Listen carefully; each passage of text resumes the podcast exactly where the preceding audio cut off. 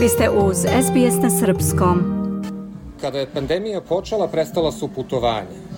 Nije bilo letovanja, nije bilo turizma, nije bilo restorana. A onda otvorile su se granice i svi su počeli da putuju. Sa tim je došla i ta letnja migracija radne snage. I svi su počeli da idu i da rade po hotelima i restoranima u inostranstvu. To se dogodilo i sa Srbijom. U Srbiji je sada, za divno čudo, manjak radne snage u ugostiteljstvu. Ali, na Malti, gde se ja sada trenutno nalazim, u St. Julianu, mondenskom letovalištu, to nije slučaj. Veliki broj Srba radi ovde, u renomiranim restoranima, hotelima sa pet zvezdica. Jedan od njih u restoranu Šaka, koji je jedan od najboljih restorana na Malti, renomirani restoran u St. Julianu je gospodin Aleksandar Jovanović, poreklom iz Vranja, menadžer restorana. Aleksandre, dobar dan. Dobar dan. Recite nam nešto o vašem putu. Kako ste se vi našli u ovom restoranu? Moje putovanje u gostiteljstvu kreće otprilike pre 8 godina. Na Malti sam 11 godina, radio sam razne poslove i onda sam odlučio da promenim nešto gde ću da nađem sebe i gde ću da uživam svaki dan u radnom danu, ispunjen ljubavlju i pozitivnom energijom. Upisao sam uh, fakultet koji je specializiran za ugostiteljstvo na Malti, ITS. Studirao sam četiri godine, dobio sam uh, HND, High National Diploma level, i umeđu vremenu sam radio ovde gde sam trenutno sad u Šaka Grill restoran. Recite imamo... mi za Šaka Grill restoran, uh, većina vašeg osoblja ovde su Srbi. Kako je do toga došlo? Kad sam prvi put došao ovde da radim, ja, još sam bio student, bio sam na, na drugoj godini univerziteta. Ovde su bili jedan ili dva Srbina. Onda s vremenom imali smo razne nacije, imali smo Italijane, imali smo Grke, imali smo Mađare, imali smo Francuze, Malteze, Bugare, Makedonce, Srbe ne, nikad nismo imali Srbe u tom broju kao što imamo danas. E, to počinje od toga zato što je moja ideologija ja nemam protiv nijedne nacije ništa, ali ako hoćete nešto da izvučete maksimalno, trebate da se posvetite svojim ljudima. Uvek sam izlazio u susret svojim ljudima i zapošljavao sam svoje ljude, znači ljude sa Balkana, jer imaju tu radnu etiku. I to se vidi u ovom restoranu. Naime, odiše tom a la carte stilom, odiše tom pažnjom prema svakom klijentu. Tako da to izdiže ovaj restoran na neki drugi nivo i po čemu je naravno i poznat ovde na Malti. Da li to diže reputaciju Srba i Srbije na prostorima Malti? Ja se nadam da je tako.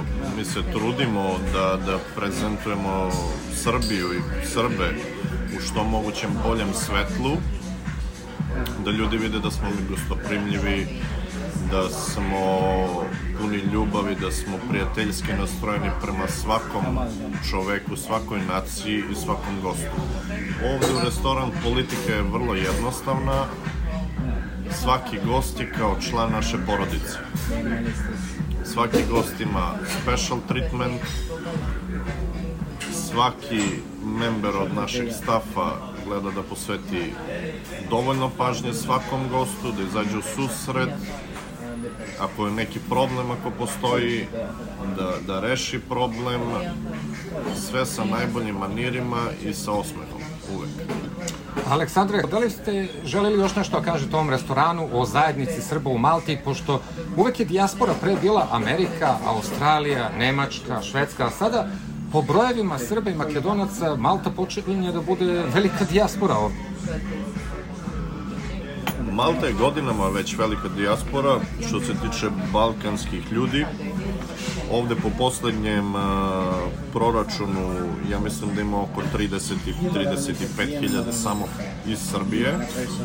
Tu imamo ljude isto sa Balkana, kao Bugare, kao Makedonce, Hrvate ne u tolkom broju, imamo Bosance, Bance isto, Mađare. Ovo je restoran koji je godinama je građeno, step by step, što se kaže, korak po korak. Sa mnogo ljubavi, zahvaljujući porodici za mit, koja nam je dala podrške od samog početka, verovala u nas. Ja sam menadžer ovde zadnje tri godine. Veliku zaslužnost mogu da pripišem sebi zato što su svi Srbi ovde.